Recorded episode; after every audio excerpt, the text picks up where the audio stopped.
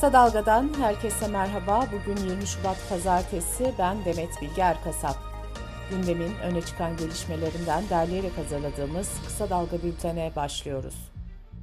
Türkiye'yi sarsan 6 Şubat tarihli Maraş merkezli depremlerde yaşamını yitirenlerin sayısı 40 bin aştı. AFAD'ın açıklamasına göre 430 bin üzerinde yurttaş deprem bölgesinden tahliye edildi. Maraş ve Hatay dışındaki illerde arama kurtarma çalışmalarına da son verildi. Depremden sonra çevredeki çöp ve enkaz yığınları ile birlikte insanların temiz suya ve tuvalete erişim sorunu yaşaması bölgede salgın hastalık riskini arttırmıştı. Uzmanlar bu konuda uyarılara devam ederken Sağlık Bakanı Koca'dan da açıklama geldi. Bakan Koca şunları söyledi. Şu anda bir salgın hastalık riski yok ama bu olmayacağı anlamına gelmez düzenli analizlerle klorlama yapıyoruz. Analizlerde şu ana kadar ciddi bir sorun görülmedi. Çöp toplama ve yaygın kireçleme ile ilaçlama yapıyoruz. Çevre ve Şehircilik Bakanlığı ekipleri deprem bölgesindeki 830.783 binada hasar tespit çalışması yaptı. 105 binden fazla binada ağır hasar tespit edildi. Bölgedeki yurttaşlara ağır hasarlı binalara girilmemesi konusunda uyarılar yapılırken bu yapılara kısa süreliğine de olsa girilmesi ve eşya alınması da yasaklandı. Ağır hasarlı tüm yapılara giriş izni ve eşya alımı konusu Çevre ve Şehircilik Bakanlığı'nca görevlendirilen uzmanların raporu doğrultusunda değerlendirilecek. Deprem bölgesinde enkaz kaldırma çalışmaları da başladı. Hatay'da yıkılan binaların çoğunda arama kurtarma çalışmaları yerini enkaz kaldırma çalışmasına bıraktı. Enkazın çevreye, doğaya ve canlılara zarar vermeden nasıl kaldırılacağı da tartışma konusu oldu. 17 Ağustos Marmara depreminde 13 milyon ton atık enkazla birlikte kaldırılmıştı. Maraş merkezli 11 ilde ağır hasara yol açan depremlerde bertaraf edilmesi gereken atık miktarı henüz bilinmiyor. Enkaz kaldırma işlemleri Çevre ve Şehircilik Bakanlığı ile AFAD koordinasyonunda valilikler tarafından yapılıyor. Çevre, inşaat ve jeoloji alanında uzman meslek odalarından sürecin sağlıklı işletilmediğine dair uyarılar geliyor. Deutsche Welle Türkçe'nin haberine göre Jeoloji Mühendisleri Odası İstanbul Şube Başkanı Sami Teymurtaş, depremzedelerin yıkım çalışmalarından uzak tutulması, bölgede asbest uzmanlarının görevlendirilmesi ve enkazların ortadan kaldırılması için bir an önce doğru yerler seçilmesi gerektiğini vurguladı. Teymurtaş, aksi halde bunun salgın hastalıklarda dahil ikinci felaketlere yol açabileceği uyarısını yaptı. Birleşmiş Milletler Kalkınma Programı ise çevreye duyarlı enkaz kaldırma çalışmaları için 113,5 milyon dolarlık yardım çağrısında bulundu. Çevre ve Şehircilik Bakanlığı Çevre Yönetimi Genel Müdürü Eyüp Karahan ise enkaz kaldırma işlemlerini çevreye zarar vermeden yapmak için alanlar belirlendiğini söyledi. İçişleri Bakanlığı depremlerden etkilenen yurttaşların kimlik kartı başvurusu yapmadan geçici kimlik belgelerini E-Devlet üzerinden alabileceğini bildirdi. Depremlerin ardından tüm Türkiye'de eğitim ve öğretime ara verilmişti. 71 ilde eğitim ve öğretim bugün başlayacak. Milli Eğitim Bakanı Mahmut Özer deprem bölgesiyle ilgili kararın ise bugün açıklanacağını duyurdu. Bakanın verdiği bilgilere göre nakil imkanından bugüne kadar 48 bin öğrenci yararlandı. AFAD, Deprem ve Risk Azaltma Genel Müdürü Orhan Tatar, Maraş merkezli 11 ili etkileyen depremlerle ilgili açıklama yaptı. Tatar'ın verdiği bilgiler şöyle. Bölgede her 3-4 dakikada bir artçı sarsıntı meydana geliyor. Artçı sarsıntı sayısı şimdiye kadar 6040'a ulaşmış durumda. Sarsıntılar daha uzun bir süre devam edecek. Bu sarsıntıların büyüklüğü 5'i geçebilir. Bu nedenle hasarlı binalardan uzak durulması ve girilmemesi gerekiyor. Tatar'ın verdiği bilgilere göre bir atom bombasının yarattığı enerji 15 trilyon joule iken bu depremlerin yarattığı enerjinin değeri 30 katrilyon joule kadar çıkıyor.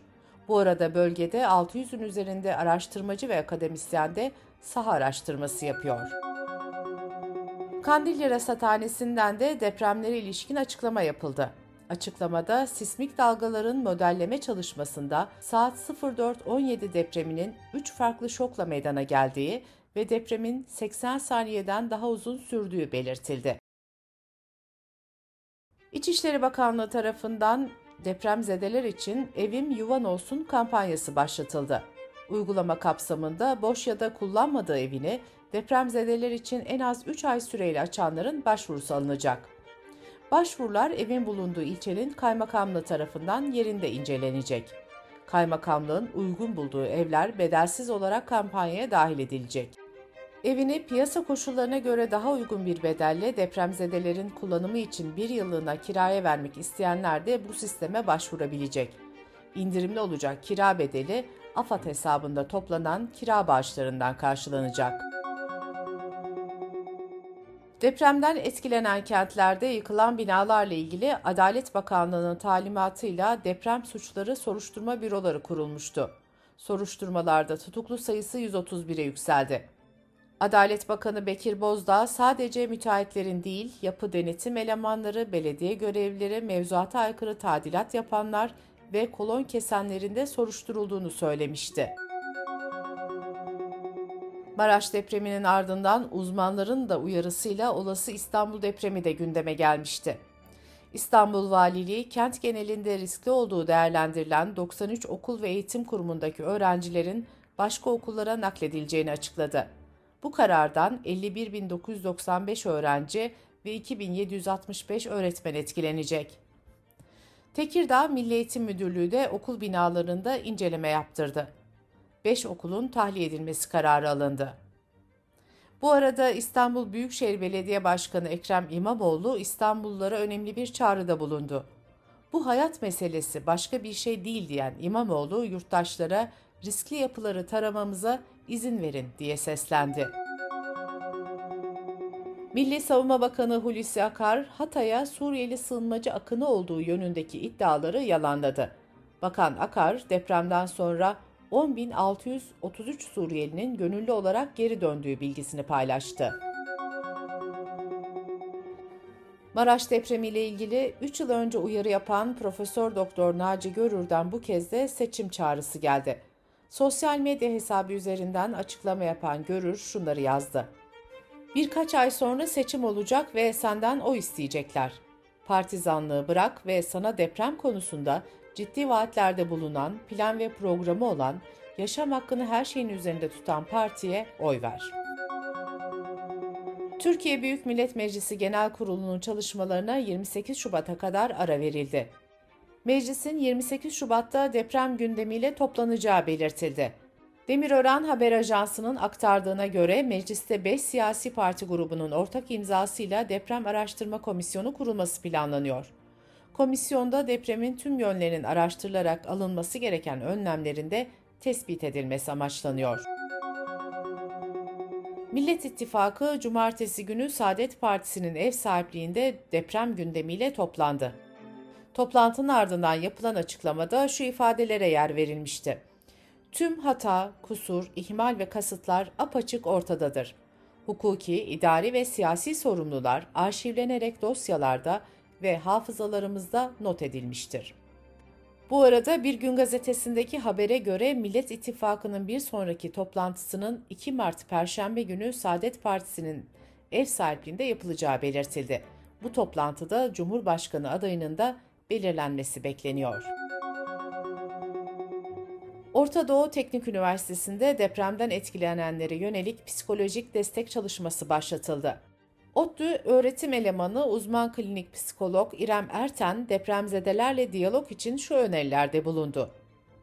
Travma sonrası ve yaz sürecinde kişiler içe kapanabilirler, panik olabilirler, daha öfkeli olabilirler ve daha çaresiz hissedebilirler.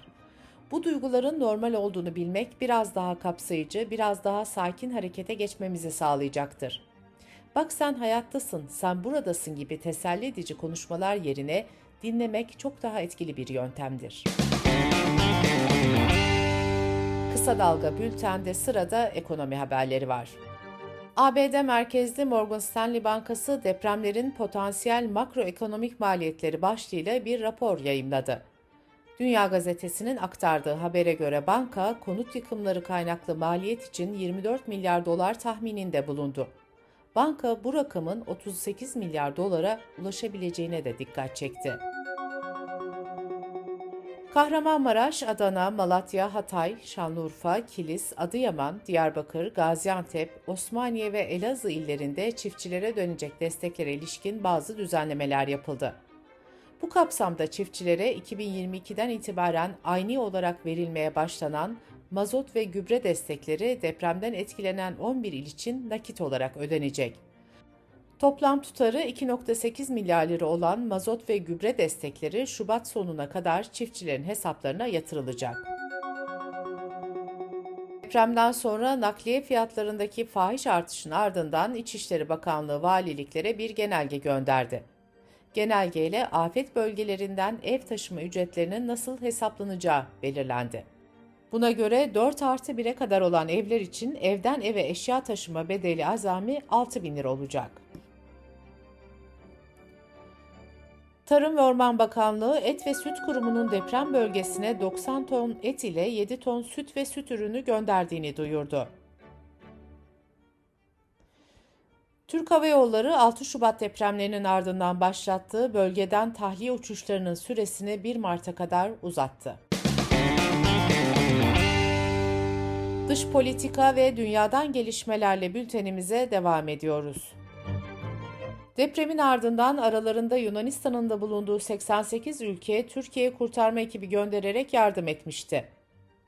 Adıyaman'da arama kurtarma çalışmalarına katılan 22 kişilik Yunan arama kurtarma ekibi 15 Şubat'ta ülkesine dönmüştü. Yunanistan Dışişleri Bakan Yardımcısı tıbbi yardım ve battaniye içeren 50 araçlık insani yardım konvoyunun da Türkiye'ye gönderileceğini açıkladı. Maraş merkezli depremlerde 5000'den fazla kişinin hayatını kaybettiği Suriye'de arama kurtarma çalışmaları devam ediyor. Birleşmiş Milletler depremlerin Suriye'de 8.8 milyon kişiyi etkilediğini duyurdu. Bu arada Suriye'de yer mantarı toplayan halka IŞİD'in düzenlediği saldırıda hayatını kaybedenlerin sayısı 68'e yükseldi. İsrail'in ise cumartesi günü Şam'da yerleşim yerlerine hedef alan hava saldırısı sonucunda 5 kişinin hayatını kaybettiği bildirildi. Rusya'nın Ukrayna'ya yönelik saldırısı bir yılı geride bırakırken Ukrayna lideri Zelenski Rusya ile yapılacak herhangi bir potansiyel barış anlaşmasında ülke topraklarından ödün vermeyeceklerini söyledi. Rusya Dışişleri Bakanlığı Sözcüsü Zaharova ise ABD'nin etkisi altındaki Ukrayna'nın geçen yıl Rusya ile başlattığı müzakerelere son verdiğini belirtti. Finlandiya Başbakanı Sanna Marin, ülkesinin NATO'ya İsveç'te aynı zamanda üye olmak istediğini yineledi. Marin, iki ülkenin NATO'ya eş zamanlı katılmasının herkesin çıkarına olduğunu söyledi. İsveç ve Finlandiya, Rusya'nın Ukrayna işgalinin ardından geçen yıl Mayıs ayında NATO'ya üyelik başvurusunda bulundu. Başından beri İsveç'in üyeliğine daha temkinli yaklaşan Türkiye, Stockholm'de Kur'an yakma eylemine izin verilmesi sonrasında İsveç'e onayın mevcut koşullarda söz konusunu olmayacağını açıklamıştı. Türkiye, Finlandiya ise yeşil ışık yakabileceğinin mesajını vermişti. Gözünüz kulağınız bizde olsun. Kısa Dalga Medya.